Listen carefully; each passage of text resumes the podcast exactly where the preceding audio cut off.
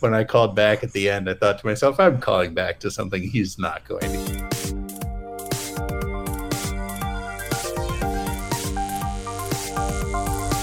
Well, I'm not a crook.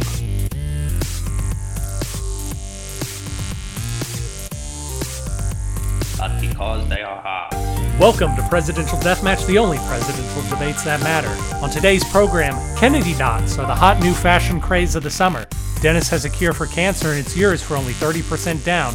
And marketing, not just for evil people anymore. On today's program, Ty Budde joins us to guest moderate a debate on which president would be the best ad man, James K. Polk or John F. Kennedy. Dennis and I will be using a Jefferson Pickney style debate, which means the person who is most recognizable wins. Dennis, how are you doing today? Hello. Tyler Budde, good to see you today. Hello. Hello? Uh, you are, uh, we'll learn a little bit more about you in a bit, but you're an advertising man, that is correct? Adman, sure am. Excellent, and we're going to talk about that. Now, I don't know if with either of your respective others you enjoy scaring them as much as I enjoy scaring my wife. Scaring my wife. Yeah. sure. Yeah, yeah. Sure, sure. It's it's very fun to just very easy with my wife because I can be standing in our bedroom at the end of the day when she should expect me to be in the bedroom getting ready for bed, and she will walk in and then go ah, uh, because she doesn't expect me. But she was uh, yesterday. She was playing uh, essentially ding dong ditch on my office door, and she would come up, she would knock on my office door and then run away, and then come up and knock on my office door and then run away. But I managed to get up quietly and maneuver myself in the hallway. So as she was coming up to do it again, I came from behind her and scared her, and it was very satisfying. Tyler, I hear that we are the entertainment of record for your child. Is that correct? That's true. I, I anticipate my, my child is your youngest listener. Dennis, we had a debate last week on who was the ghostiest president, and it seems as though your argument that Zachary Taylor was a ghost as he was president seems to have struck a chord with people. As Zachary Taylor is well in the lead currently. It stopped the scroll. Yeah, well, we don't know yet. We don't know yet. We don't know. That's that's my claim. it's But- a real twist. I actually one of my retractions this week was that I didn't mention the sixth sense despite using the most classic twist of all time in my argument. And it's kind of crazy that we spent the whole time in a ghost episode talking about Ghost and Casper and not bringing up the sixth sense. I can't wait till we get to that retraction. But before we get to that retraction, uh, two weeks ago we had a debate on which president would have been uh, most personally happy had they not been president. And just as he did in the election of 2000, George Bush won a decisive and correct victory. No one has any problems with how George Bush won. So that I thought that was a strong argument myself. My child supported Bush in that argument as well, so you had her vote. I'm glad. I uh, we don't mention this, but uh, people of all ages are allowed to vote on presidential deathmatch. We have universal child suffrage. She expresses her uh, her opinions. I, she, she she can really only say mom and dad, but but she also says oh, which she says quite a bit now, and and she owed for your for your Bush argument. So Oh, very nice. And as we know, your daughter's a big Texas Rangers fan, and so Yeah, that, right, that came into play. I'm a big Washington football team fan. No, that, that's what they're called. I really hope they stick with that. That's so And they're weird. just like a soccer team. Washington, Washington. The Wa- Yeah, yeah. Washington FC. Washington FC. I really dislike. We we're not going to spend a lot of time on this, and it'll get cut for sure. But I dislike that American sports don't have relegation because ever since I heard about what relegation is, I thought it was great and that we should have more of it in professional Is that sports. when the Queen can make calls on what you do? No, Is no. that any regular? So, um, so in England, uh, Dennis, the uh, English Premier League football is the biggest football league in the world, and they have, I'm gonna say nine, but it might be as many as thirty different levels of competition. So, sort of how baseball has two levels: there's Major League Baseball and there's Minor League Baseball there's English Premier League, and then there's a group under them, and a group under them, and a group under them, et cetera, et cetera. And the best, generally speaking, the best two performers in a league in any given year get lifted up to the next league above them, and the worst two performers of the league in any given year get lowered into the league below them. And so it would be as though the San Antonio Missions or the Sugarland Skeeters, who are both baseball teams around here, could get elevated into uh, into Major League Baseball because the Reds sucked so bad. Uh-huh. Uh, which I think would just be exciting for everybody. I did not know there was a San Antonio Missions. That is hilarious. But that is the best baseball league in the country. I looked that league up. It's actually not minor league. This the Sugarland Skeeters. Are they in the Texas League? What? Are they in Texas League baseball? It's not Texas. It's an independent nationwide league, and it's only like eight teams, but they're they're just in every suburb that's super huge in the country.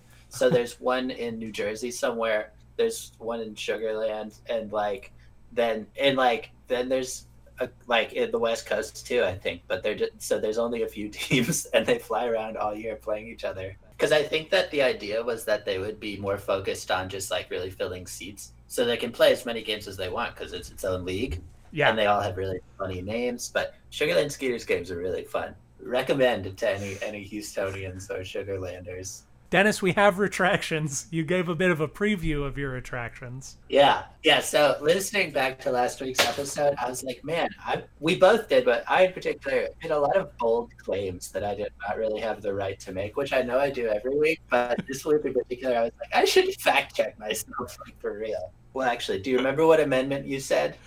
I, I yeah, I know I got it wrong. I started with the 22nd Amendment, which isn't correct. That's the amendment that repealed prohibition. And then I guessed that it was the 24th because I know the 25th is the one about uh, vice presidents. So I guessed my ultimate guess was the 24th Amendment was the one that established term limits for presidents. It what for what I see, it's the Twenty Second Amendment. So you were Oh, right. so I was right time. the first time. I was right the time it mattered. The first time I guessed it. Not the time that you said, no, no, forget Yeah. everything I said before. It's the 24th. I said something about Woodrow Wilson's war. Yes, you did. I don't think that's a real phrase. okay, because I had never heard it before, and then I said it would also have been weird to say, since most people in America wanted him to go to World War One, and they were more irritated that he took a long time to do it. But at the same time, in my opinion, Woodrow Wilson can't get blamed enough. He gets off scot free for ruining too many things for us. Woodrow Wilson? Yeah, Well, he's not exactly having a super glowing moment right now. yeah, but we're not talking about the right problems. Yeah, like- that's, that's fair. he was a racist for the time he lived in. Yeah. It's fine to keep calling him a racist, but let's talk about how he ascend, uh, lifted up the presidency and diminished the legislature to the point where essentially being a legislature doesn't matter anymore. Let's talk more about that, but let's not talk more about that. uh, two things I got right. One is mangoes are related to poison ivy. Good, because otherwise that would be your friend getting something wrong and rubbing a mango over his face for no reason at all. for his whole life, getting it wrong just just for his whole Yeah. life. I have a Casper related retraction. Okay. So I erroneously said that Casper was a child who killed himself, and that is why he was a ghost. That is not true. What is true is that Casper would often kill himself at the end of comics. That would be the gag. That would be the button that would bring the lights down. Oh. Is Casper going and chopping off his head or hanging himself? In actual fact, Casper in the original comics was never a real boy at all, but instead a ghost child born to ghost parents. Carolyn wanted to make sure that I I said that she that she really does not think we're getting the Obama thing correct. With so the first time, so this is a retraction of a retraction. The first time I said they met in law school, Okay. and then last week we said no, they met at their first job, and Michelle was his boss. yeah. And then we we implied that she used her influence to get a date. Oh no, that was a joke. But since Tyler's on this week and he worked on the Michelle Obama documentary, I wanted to make sure I mentioned that he pursued her, is my understanding, Yes. to great with great effort. And success. Yes, and success. it turned. I don't know if you have anything to add, Tyler. I don't. I, I appreciate the thought. I was correct about bukus from what I can tell. B E A U C O U P. Yeah, that it comes from French and it's Yeah. just terribly wrong, terribly mispronounced. So it's not a retraction. And then and then the other one was uh, really just I wanted to say that we never I never mentioned like any of the podcasts or things that I reference. So one uh, Totalis Rankium Mhm. is a podcast that you can listen to that where they spend three hours per president telling their story. And so if you're me or Aaron, highly recommend that podcast. And then there's a podcast called Plodding Through the Presidents that only did a few episodes, but he's like just a really s- skilled historian and researcher. And then I read this book a lot. So for all of our listeners who are watching, it's called The American President Detailed Biographies. I And would. got, Carolyn got this for me, and it's it's a complete history from George Washington to Barack Obama. So I appreciated that she got me the slightly out of date version. Is your bookmark a voter registration card? yes, Okay. I think it is. I'm pretty sure that I am registered to vote. but I get these in the mail all the time, Oh, okay. so maybe I'm not. I don't know. We'll get that sorted. Vote Hager 2020. While we're recommending books, I will also recommend a book that I may or may not get Dennis at some point in the future called Tributes and Trash Talks What Presidents Had to Say About Other Presidents. And it's a delightful compendium of quotes from presidents on other presidents. Presidential Deathmatch regrets all of these errors. Well, Dennis, we are discussing which president would make the best ad man today. We are joined by uh, a person that I can only assume is the greatest advertiser of his generation, Tyler Budde. Tyler, thank you for joining us. today. I'm excited. To, uh, I'm excited to hear about your guys' take on on this whole thing. I, I am as well. Before we get it, so Tyler, you gave Dennis and I a little bit of homework, and I always appreciate it when the guest gives us things to ground our arguments in beforehand. It makes the research process a lot easier. I just say he texted me. I was like, "Should I give you guys like some notes?" And I said, "People normally don't." and he said, "Here you go." okay. You so you gave us a number of word phrases that you would like us to define, which we will do. But before we do that, could you please explain why you think it is important that the president be a good ad man? Sure. I uh, I think advertising, first of all, is is a very fascinating thing. Well, marketing in general is an interesting thing that everyone touches, right? Everybody has to have some sort of semblance of it. And when you're the president, you're marketing or or an aspiring president, you're marketing yourself. So you have to have a sense of how to do that. But when you're marketing yourself, you have to even take it a step further because you have to be honest with yourself about what it is that you're selling um, about this brand that you've created, about about the things that are true about you, uh, and so it's a nice example of of getting caught up in all of the ways that uh, all of the all of the ways that you could emphasize or or see your own personal brand maybe through rose-colored glasses. So I think it's interesting to to be an expert in advertising so that you can avoid pitfalls such as that. Can you tell I'm trying not to give things away because I'm excited about your definition. Indeed. I, I hope that we live up to what you're hoping for. Dennis, would you like to begin? So, our first word phrase is know them. Know Yeah. them.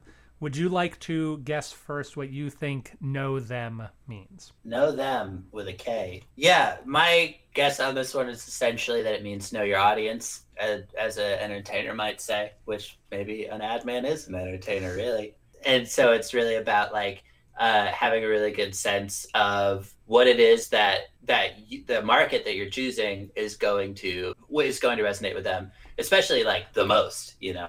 So yeah, I and then as an example, president, because we're, we're both going to do that for each one, right, Aaron? Yes, we are. So oh, I'm Sorry. curious if we'll have the same ones. For this one, I figured go with a classic example from recent history that I could think of uh, quickly, which was Obama with the hope thing. So basically, all their research that said, you know what, people are going to vote for this time around more than anything else is hope. Put the word hope on a big poster. Excellent. I. I said essentially the same thing. You need to know your audience specifically. You need to know what your audience needs and find a way to give that to them.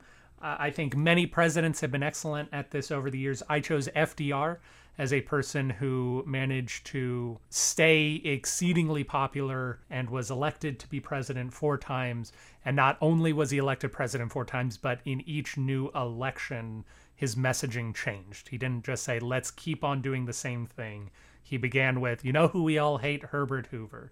And then, you know what we all like? Jobs. I'll get you some. And then, you know who we all dislike? Those filthy Japanese people uh, et cetera, et cetera. And so I think FDR had a really solid understanding of where America was and specifically balanced urban and rural divide quite well. Ty, what is did we hit the nail on the head with know them? you sure did. Know your audience. And i put it first for a reason because i think a lot of a lot of people even within marketing forget to put the audience first. A lot of people would put the the brand first the product first the thing you're selling first. In this case the president first. Um, and that that wouldn't be correct. You got to know your audience first. You have to know what it is that they want. It's interesting aaron. You said you have to also know what they need which the two things are not always aligned. So that's something like the difference between a campaign built on hope or a campaign built on jobs. Two very, very different things. I do think FDR was tremendously successful as an ad man because of how many things he sold through. There's a quality that I think comes with a, lot of these things I've given you guys that I want to throw out there. And the one that I associate with know them is empathy. I think in order to be a great mm. ad man, the empathy is is something that has to be in your DNA.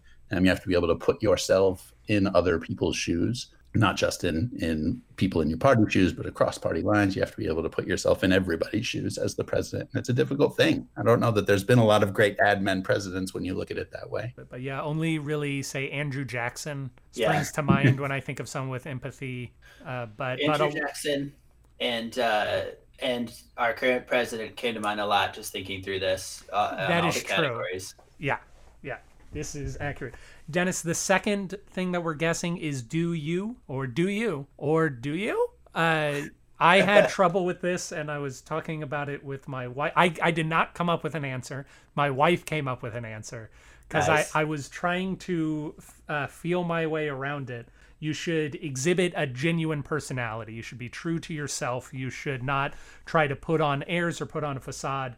You should find a way to be forward, be specific, not be general, and uh, say who you are in your messaging.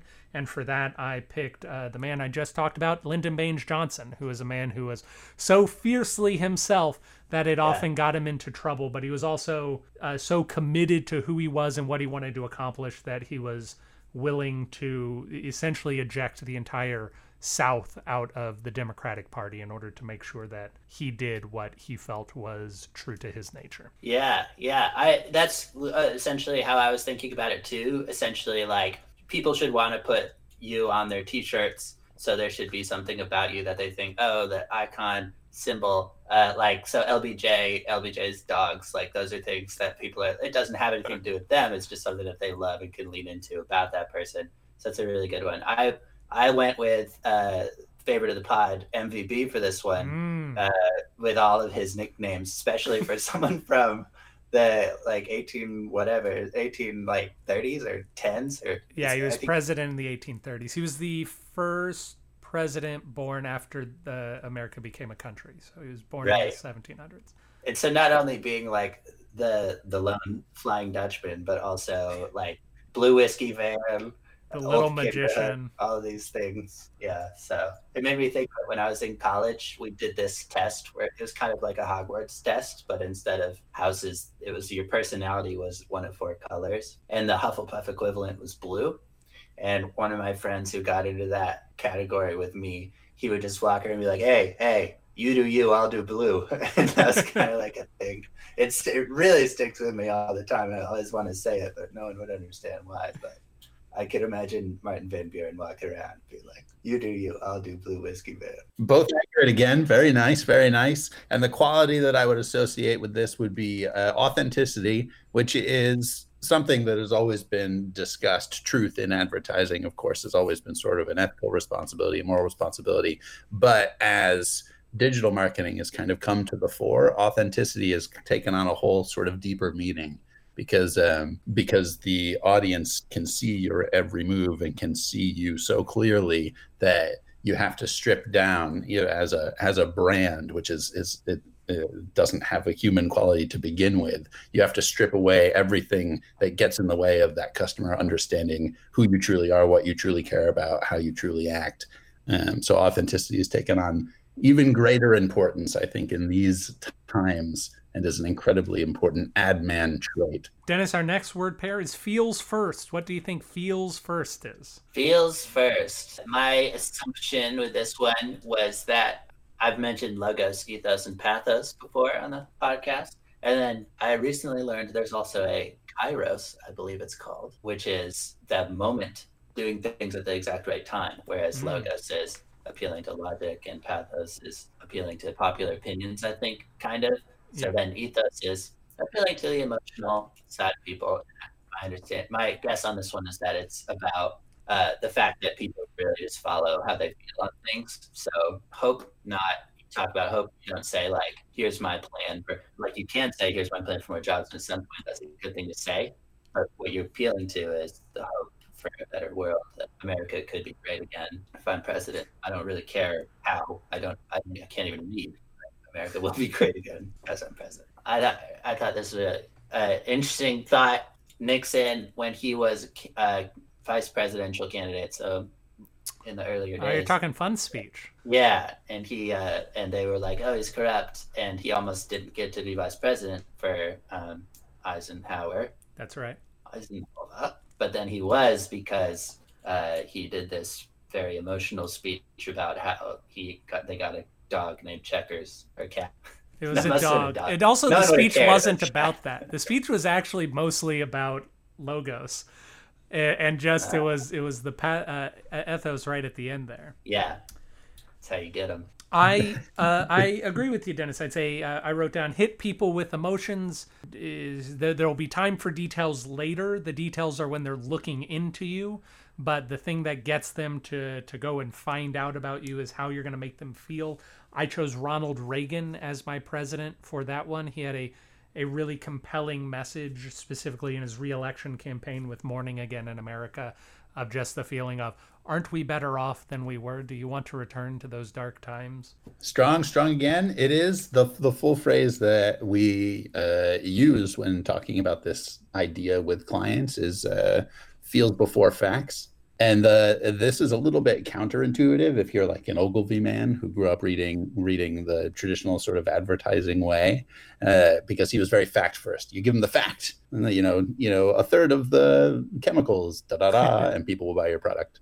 Uh, but the I think there's a different fact. There's a there's a different truth um, that that that lies within emotion that is a more powerful sell, um, and that's why D you mentioned hope, you mentioned making America great again. This is why these marketing tactics I think resonate so well, is because they appeal to a different emotional truth that that brings people together. Was... The the word I would associate this with with this one we've got empathy, we've got authenticity, and this one would be veracity truth. Mm, oh, interesting how that's counterintuitive. I like it. Yeah, indeed. I was learning about, I was researching public choice theory today and how it relates to voting methods. And it is very similar to what you just said, Ty, where there's um, facts don't necessarily generate what you'd hope they would in people, uh, and instead they look for different options. I researched John F. Kennedy today. yeah, I researched a few things. I was listening to. Well, it's unimportant. Um, our our penultimate so far, Dennis. It seems like we're sixty percent marketer. Like we're we're I, above the halfway point. We might we might just hit hundred percent. Hey hey hey! And I need a Let's new see. career, so we'll see how that goes. Our our penultimate word pair is fan amp, and I wrote down fan amp. I should say F A N A M P. Uh, pump up your supporters and make them feel special uh, to help them evangelize your product specifically because word of mouth especially uh, I, I do a lot of theater and theater is a product that nobody thinks that they want. So it is very important that the people who like it tell other people about it. So this is um, for me this is about getting people excited to support your product. I wrote down an anti-president for fan amp which is James Garfield, who was so committed to not pumping up his supporters that it got him murdered when he didn't give Charles Guiteau a, a postmaster position. Uh, but then uh, another president that I think uh, in my view of fan amp does quite well is Warren G. Harding, who was famously corrupt and gave so many positions to Ohio businessmen. I had a slightly different interpretation. Thinking about social and stuff, um, knowing that that's the, con- the context a little that Tyler's coming from, I was thinking about the retweet kind of being the core thing here. And then in general, kind of realizing that the organic marketing that happens in the world, the organic anything that is being talked about, that that's going to always be more powerful than anything you could do. Like the referral of a friend is more powerful than anything you can do to sell a product. So it's figuring out how to do everything you can to ride that wave, amplify that conversation that's happening organically. So then, so Donald J. Trump is like Donald Josephus Trump, as we say uh, is a really easy example to jump to because he really does just retweet. And also, he listens to the things that I don't know if he listens to Alex Jones, so he listens to like buttload of Fox News and those kind of things. And then any of the things that resonate with him are probably things that are just resonating and with everyone. And then he amplifies those things as well. Yeah, amplification is the key word there. Fan amplification. And the reason it's important is exactly as you're discussing, because if you tell somebody something about yourself then most of the time we will assume you are lying. But if someone else tells me something about you, then I will assume that it's true. So a recommendation from a friend, like you said, D, is is the most important thing. And finding out a way to get your your core audience to be your advocates is a much stronger admin philosophy than than trying to pay for placement, for instance, all over everywhere. Um, for politicians, especially, people are going to trust a recommendation from a friend as opposed to a political ad. Um, Trump is an interesting example because Trump is is trying to get out there with a lot of messages. He says a lot of things, and there is an audience that will su- substantiate the things he says, which which is interesting. Yeah, yeah. What is the word or quality associated with fan amp? Advocacy, advocacy. Oh, so we've got empathy, authenticity, veracity, and advocacy. Wonderful. And then our final phrase stop the scroll, Dennis, for a potentially perfect game. Huh? I said for a potentially perfect game. What is stop the scroll? Um, when you picture like a medieval scroll and people passing it hand to hand, no, uh-huh. when yeah, you yeah. think of like Facebook, Twitter stuff, like there's a lot of good advertising happening and a lot of people who know, you know, how to do a good design and everything like that. And like, I don't, it's really hard to do something that's going to set you apart. A video or something that's playing, even if it's interesting to someone, they'll just keep scrolling if it hasn't caught their attention within seconds. So stopping the scroll is about grabbing someone's attention immediately by doing something really original and doing it, it quickly and then and, and then once you have their attention you can you can do the other other four i guess so yeah uh, yeah, I thought of Andrew Johnson and Jackson, son of Jack, son of John, both being Kennedy's first names. Uh, they both were speakers and the like. I don't know as much about Andrew Jackson specifically. I just know he's good for this these this topic. But Andrew Johnson, uh, just reading about him, like the the way that he got popular, and I think what caused him to fall in love with politics, from what from my own opinion, which is invaluable, is that he just really loved to speak in that kind of way that Trump does, where it's like he just loves having his audience saying stuff that riles them up. If you don't like it, then whatever. I don't like you. And like he didn't get along with people in the Capitol and stuff like that. So, but he liked in speeches to say those things that everyone was like, oh, yeah, you know, like really get people to get angry and get I, uh, Dennis, as per usual, you marshal your words better than I do, and you delivered a per, potentially a fuller picture than I did. I I had in my mind what you were describing as stop the scroll. The sentence I wrote down for myself is give people a reason to pick you out of a crowd. And for that, I chose not a presidential candidate, uh, president, but a presidential candidate in 1992's Ross Perot, who did quite a good job of exciting people about politics, bringing people uh, out to the polls who had long ago written off politics or thought that voting was not for them. He he found a new audience and was able to to break their habits. Love it.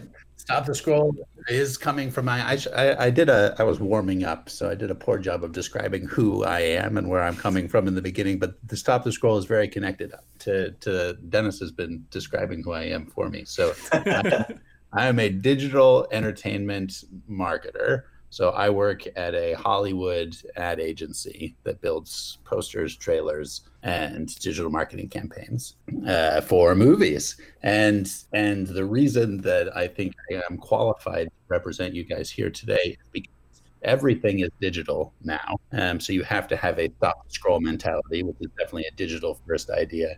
And everything is entertainment now, or you won't pay attention because we live in an on demand marketplace. I can choose what it is that I watch at any given time, which was not the case, of course, when it came to entertainment for a lot of historical present. Uh, but it is now. I will choose what I tune into and what I read. And so entertainment or stopping the scroll becomes very important. You have to be able to grab somebody's attention and get them to pay attention because ultimately it's the audience's choice about whether they will or not. And so stop the scroll is very, very tied to that idea.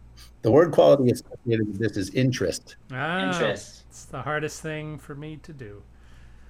Which I, really, I really wanted a, a wide word so that it would fit with the set. But after about 20 minutes of trying, I, I threw in the towel on that. So we're ending. We're ending with interest. Yeah. You know something something interesting to me that popped here is that there's a lot of infamous presidents that popped up in your examples, presidents whose whose legacies are, are less than than golden. Um, and and is that frightening? Is that frightening that, that the good marketers uh, maybe outweigh the good people? Like Lincoln didn't pop up on anybody's list, not even for things like veracity or authenticity. That I did like I did think of Lincoln a couple times with it, but like the decisions he made once he was president were what he felt was in the country's best interest, but like were also things that they like any of the war presidents. What we remember them for is being a commander in chief, which doesn't feel like as connected to this in my mind. McKinley, I did almost mention, and he's a little bit less of like one that you would think of in that way. But because of he did these porch talks, so he campaigned from his front porch in a very coronavirus kind of way, um, and kind of was well known for that. That made me think of the the the know them quality, the empathy quality, because he was like, I want you to be able to actually come talk to me, and that people really valued that because of the idea that presidents are just this like oligarchy. But then I think also it was a really good choice on the the do you thing because it really, set him apart. So I guess stop the scroll too. but they, also he was able to get his actual brand communicated, um, be in control of it that way. I do think in a lot of ways it's also easier to focus on the the negative aspects of a person's presidency. There are very few presidents that there are very few presidents that people know off the top of their heads. Like even if you were going to say maybe Martin Van Buren did a good job or Thomas Jefferson or James Madison, very few people can actually put anything into historical context. And so the people who stand out are the really good people for which we applaud their achievements, and then the really bad people who we usually decry for their personal excesses. And since these are uh, seemingly very emotional based things, it, it falls, at least to me, to key up people that we have emotional attraction to as opposed to intellectual attraction like we may yeah. through. Mm-hmm. Um, I buy that. I think that uh, marketing can be perceived as evil, which is what makes me think it. And I think marketing is not in and of itself evil, but is a, a great power that needs to be wielded with great responsibility. And so I think that uh, that often it is not. There are very few. If we take superheroes or the exploration of magic in historical tales uh, to be how we see different qualities in the world, you find that shape changers and uh, like mental influencers, like persuasive people, are almost always evil. Uh, and so it, it does seem to point towards us feeling as though people who are trying to persuade us of something are are I get very frustrated. Several people will shout at me as I try to explain the benefits of any number of institutional changes. Uh, that if you're explaining you're losing, which I, I get irritated with because it seems to suggest that the truth should be gut feeling. You you should feel like something's true, and if you need to be persuaded of something, then there is something innately wrong. Because wouldn't I recognize what is good for myself? I think that is potentially why why we can look at advertisers as as uh, the bane of all existence, or as my artistic partner Stephen Saltzman uh, calls them black magicians. Yeah. He, he calls uh, he calls marketing black magic. black magicians was a little more racial than uh, yeah, I wanted, more than he probably would want. Black magic is what we do talk, we talk a lot about the idea that that you can't change a mind. You have to meet somebody at the point of of decision. You can't change their mind after the fact, which is why you see marketing campaigns, even for things like movies, starting as far out as they do, is because you could have a, a first look picture from photo from set leak, and then people's minds have been made up about the quality of that picture, and it's still even being shot. Um, so there's a lot of there's a lot of challenges that come up with with that very idea, Aaron, that you you can't change a mind and shouldn't spend your your ad dollars doing so. Fun. Those five points are are, are the rubric in my mind uh, for all you voters out there uh, for how you should be making up your decision between our two candidates this evening. I think they encompass all of the all of the trademarks that we typically consider um, when when we're when we're looking to market something. So I think I think the boxes are checked there. Fantastic, Dennis. Cool. Do you have a question for us? If you could sell anything, what would you sell? I would sell. Uh, I would sell uh, a regional theater located in the South Bay of California. Nice. Uh, my answer is surprisingly taken from Ty. I would also sell uh, theater of some form or fashion, likely theater that that I had a part in creating. Yep. I would sell a cure to cancer. You selfish, selfish people. Why would you sell the cure to cancer, Dennis? You should be giving that away. I would sell it for a dollar. No, you're right. That's true. I, I twist. I'm the worst person. Why would it need to be sold? Isn't that that campaign kind of writes itself? That's if true. We're talking about, if we're talking about facts being important. True. true. to cancer. Buy now. Yeah. Yeah, that was a bad choice. You don't want to get into pharmaceuticals as a madman. no, there's only only danger. Dennis, do you have a non-evil answer for what you would sell when you're not trying to keep life-saving medicine away from the hands of children? I really I thought of the question just under the wire before we started recording, so I have not thought of an answer. Um, but I guess I asked you guys on the fly, so I don't know why I'm trying to excuse myself from knowing. If I could sell anything, I think well something that from my my working life is that I think what I love uh, to try is to try to get people to like fall in love with how much fun it could be to be creative. So I feel like I would want to sell people their own stories and the idea that they could finish and create something that is that is their own. That's the that's the Michelle Obama doc. That's the doc. Full circle. We have to end the podcast now. Gentlemen, when we come back, we are going to debate which president would be the best ad man, James K. Polk or John F. Kennedy. Stay tuned. Welcome back. With the expert assistance and moderation by Ty Budde, we are about to definitively argue who will be the best presidential ad man. I am arguing in favor of James Knox Polk, and Dennis is arguing for John Fitzgerald Kennedy. That is correct. You know your Ooh. candidate's name this time. Well done. First test passed. Dennis, whenever you would like to begin. JFK, I think many listeners will agree, was the best choice for today. The Kennedy family is already doing Boo. Kennedy so hard with the uh, whole royal family thing they had going. The last dynasty referenced in the Taylor Swift song that just came out this week, some say. Uh, so how's that for a lasting icon? JFK, that's his initials. fits real nice on a t-shirt.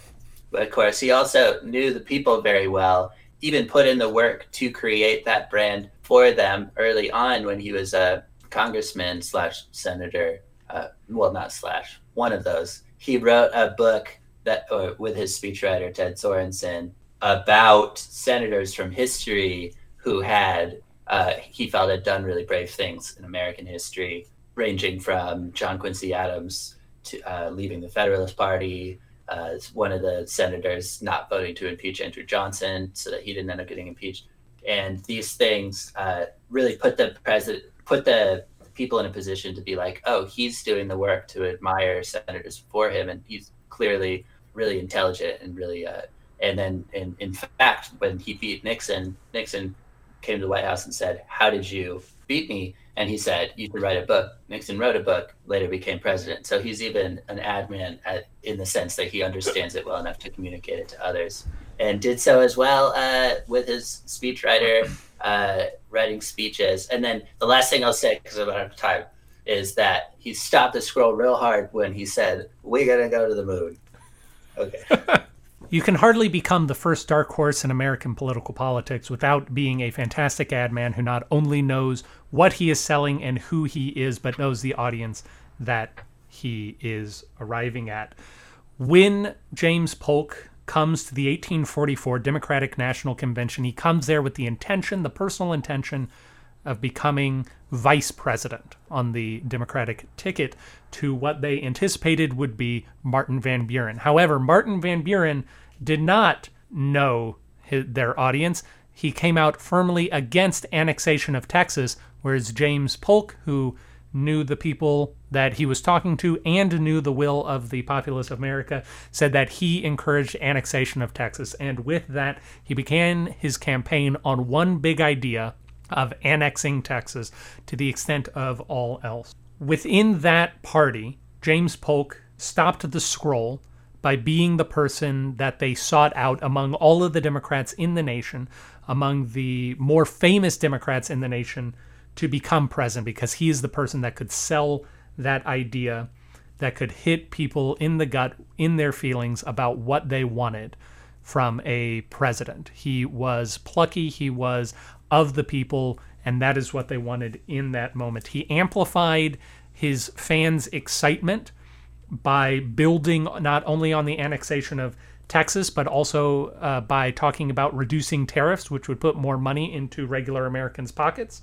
Uh, ultimately, was able to turn what in other presidencies would be a flaw into a bonus by making it appear that giving land to Canada, or to what was then the British who owned Canada, was in fact a savvy political move, therefore uh, turning a bug of the product of his presidency into a feature in and of itself.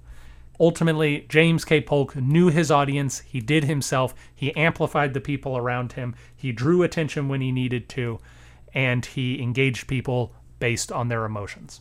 Bravo. Bravo. If I uh, if I could ask a question? I ask a question now, right? You do ask questions. Yes. I'm going to ask a question to both of you.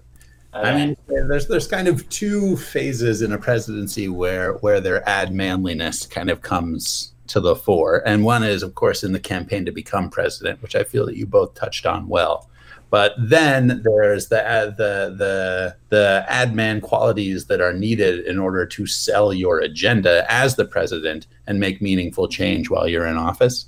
And do you feel that both of these candidates, or how do you feel that, that both of these candidates uh, succeeded uh, once they were in office in, in selling their their ideas? So I'm going to harken back to the territorial dispute with Britain over area in Canada. That was not explicitly a part of the campaign. That was something that came about later. In fact, there were intense sectional divides where this is going to get a little um, uh, a little heavy into geography, but up towards what is the top of British Columbia currently is the 5440 parallel. Where America currently ends and where British Columbia begins is the 49th parallel, and Mexico, uh, where California meets Mexico, is essentially on the 42nd parallel. So Britain wanted all the way down to Mexico.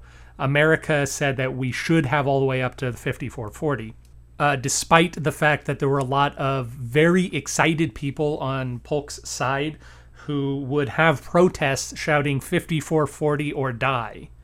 He successfully negotiated not only that uh, 49 parallel was the best idea, but that the 49 parallel, he got them to believe that he promised them the 49th parallel in his campaign, even though it wasn't an issue at all. In fact, perhaps one of the most exciting and interesting things about the James K. Polk entire presidency experiment is that James K. Polk really only campaigned on one issue, and that was the annexation of Texas.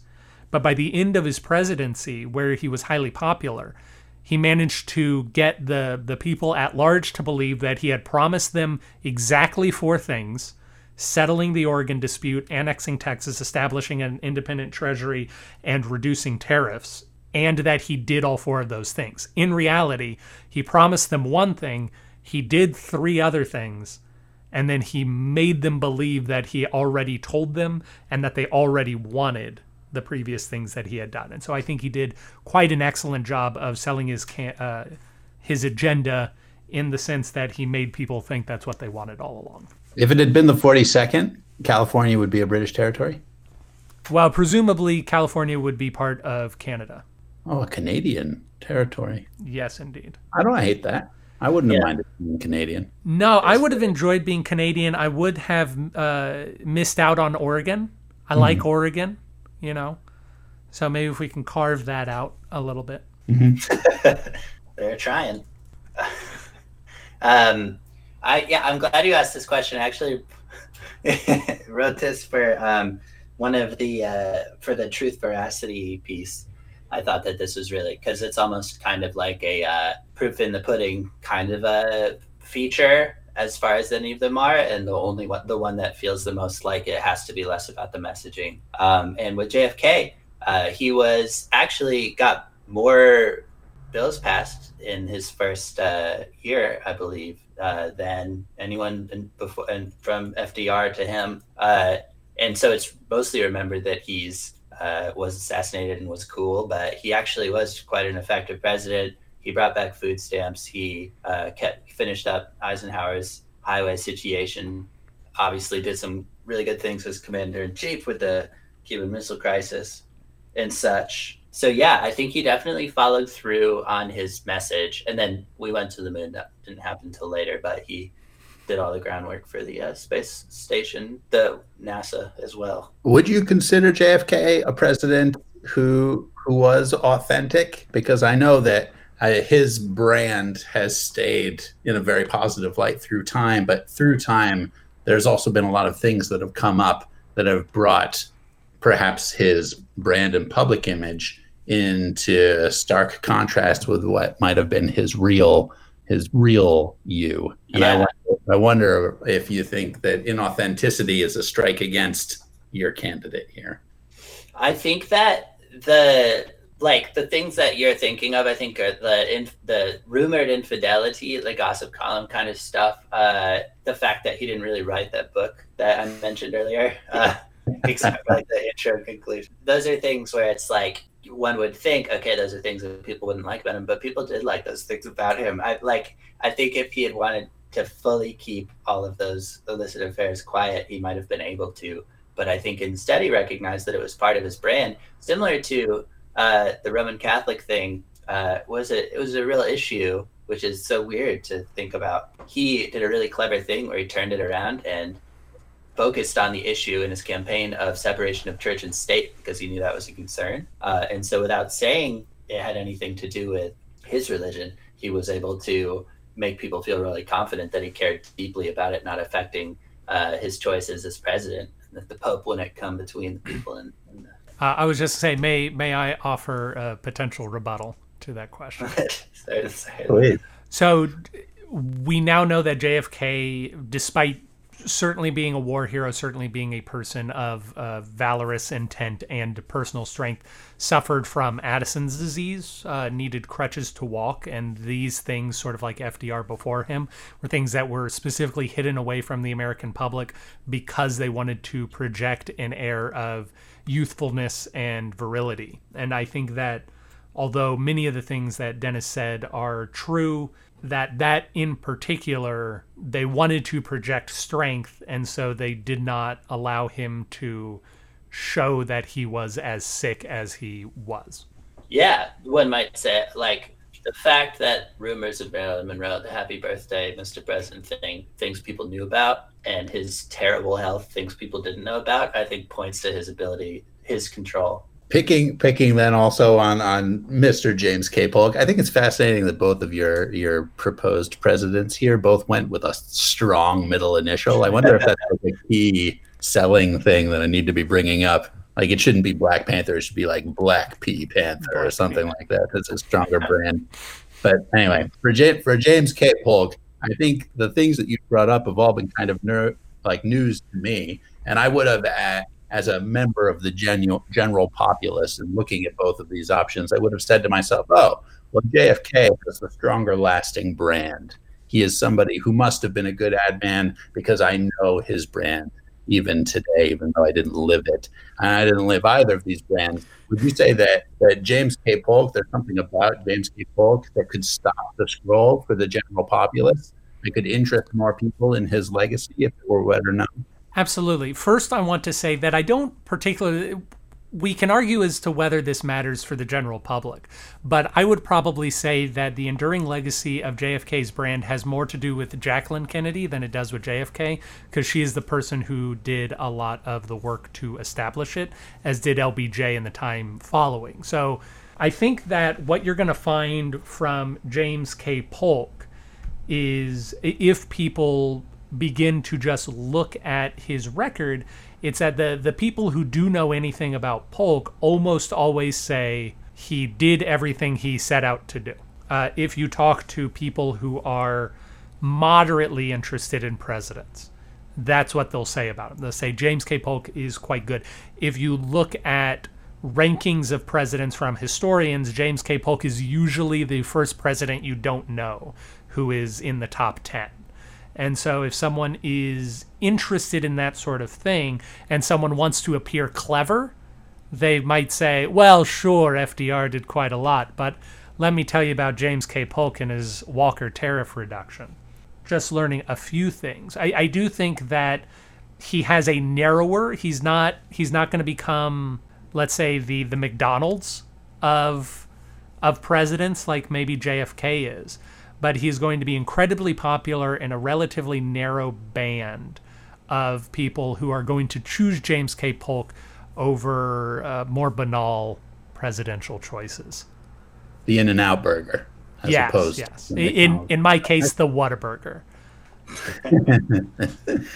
I think I mean I think that's a great argument. It makes me think if if James K. Polk was a great product with with a poor marketing campaign, then if he if he did everything he set out to do, if his presidency was all that it was, but it wasn't known as broadly as it should have been, like many a movie I have sold, which is played to a small house, but it should have been to a much broader house.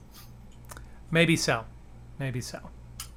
But maybe that is to say that if he had dedicated his life to being an ad man, he would have brought a lot of just good at stuffness to it.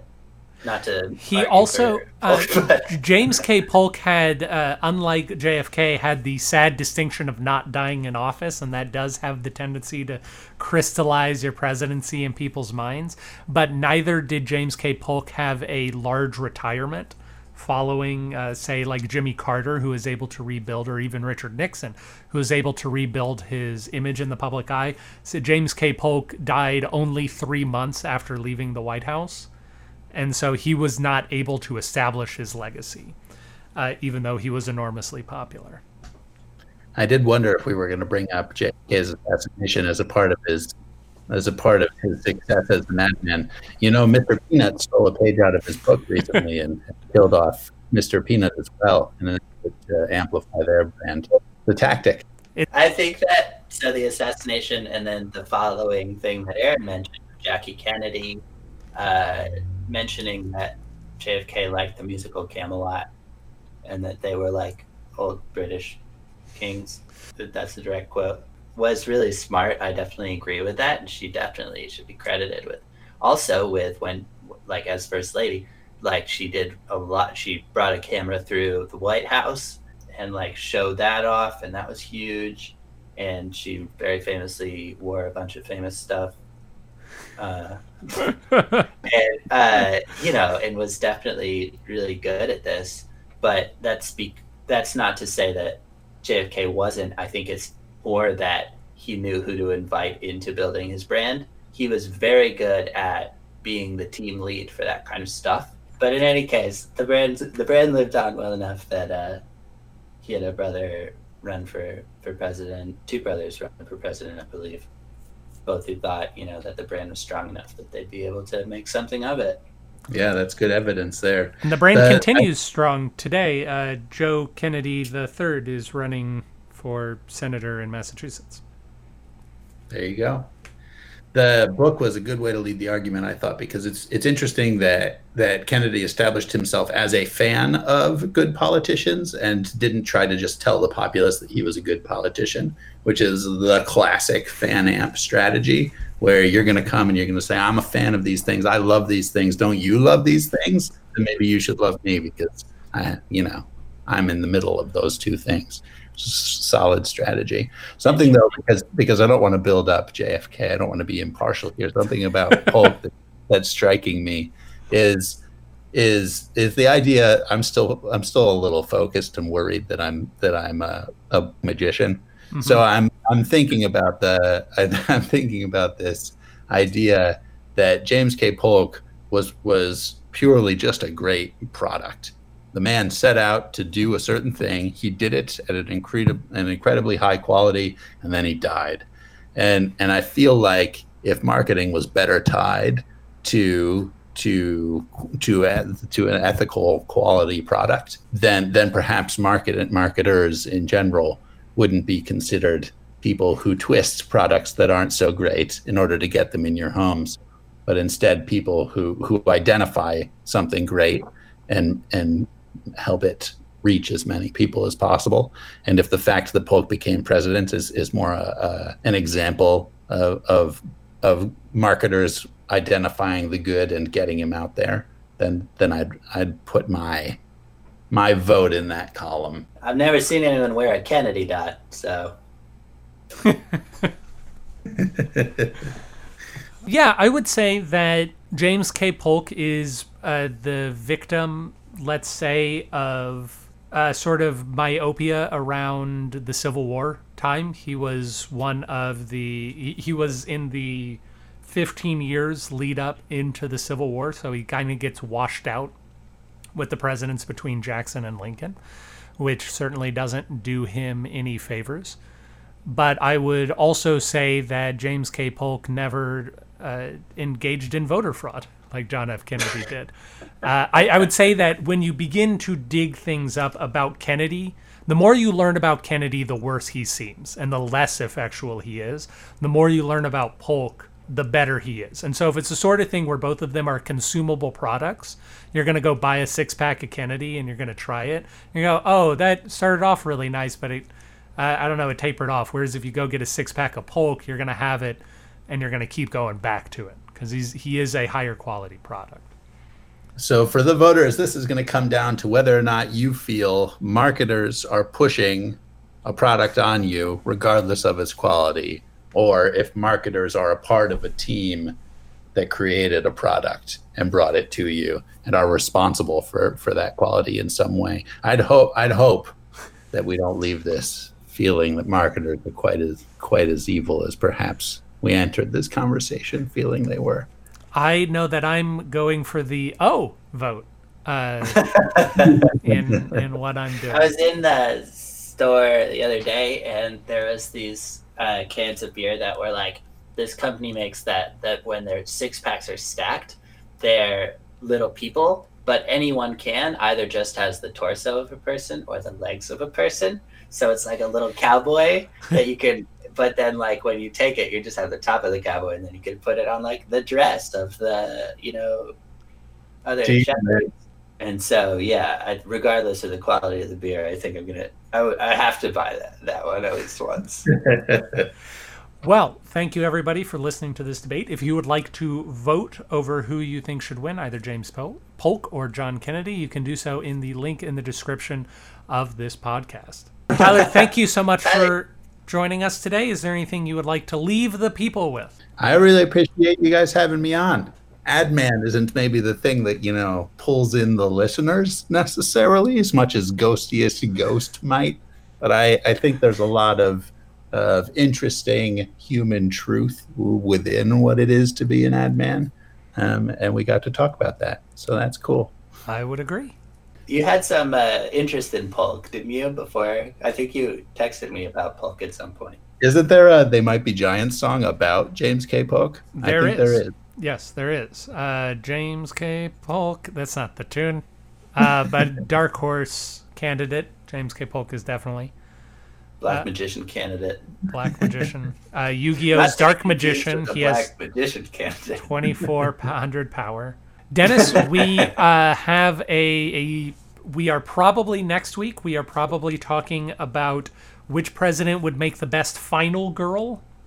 Uh, the final girl, of course, is the person who survives at the end of a horror movie. We will be joined by guest moderator Jessica Kelly in studio guest Jessica Kelly, and uh, but we might be preempted if we are lucky by uh, which president was the best wig. W H I G. I'm hoping to line up a, a, guest for that, but that remains to be seen. So Trump shouldn't be submitted as a as an option for best wig. He You're, should not. Not the intention. that is not the intention. Uh, unfortunately, we we do have our candidates. If we do a best wig podcast, it will be William Henry Harrison and Millard Fillmore. Oh man, yeah, we better squeeze that one in. We're getting close, Aaron. We we are getting close. I'm excited for you and I have talked informally about season two. I'm excited for the ideas we have there. I, I am very excited for a new president potentially to talk about uh, next year and what we can do with that. That will inject some some exciting blood. But yeah, we we've got a lot of fun things uh, lined up for when we reach the end of our first batch of 44 presidents, I think, and uh, we hope that people stick around with us. Everyone, have a swell night.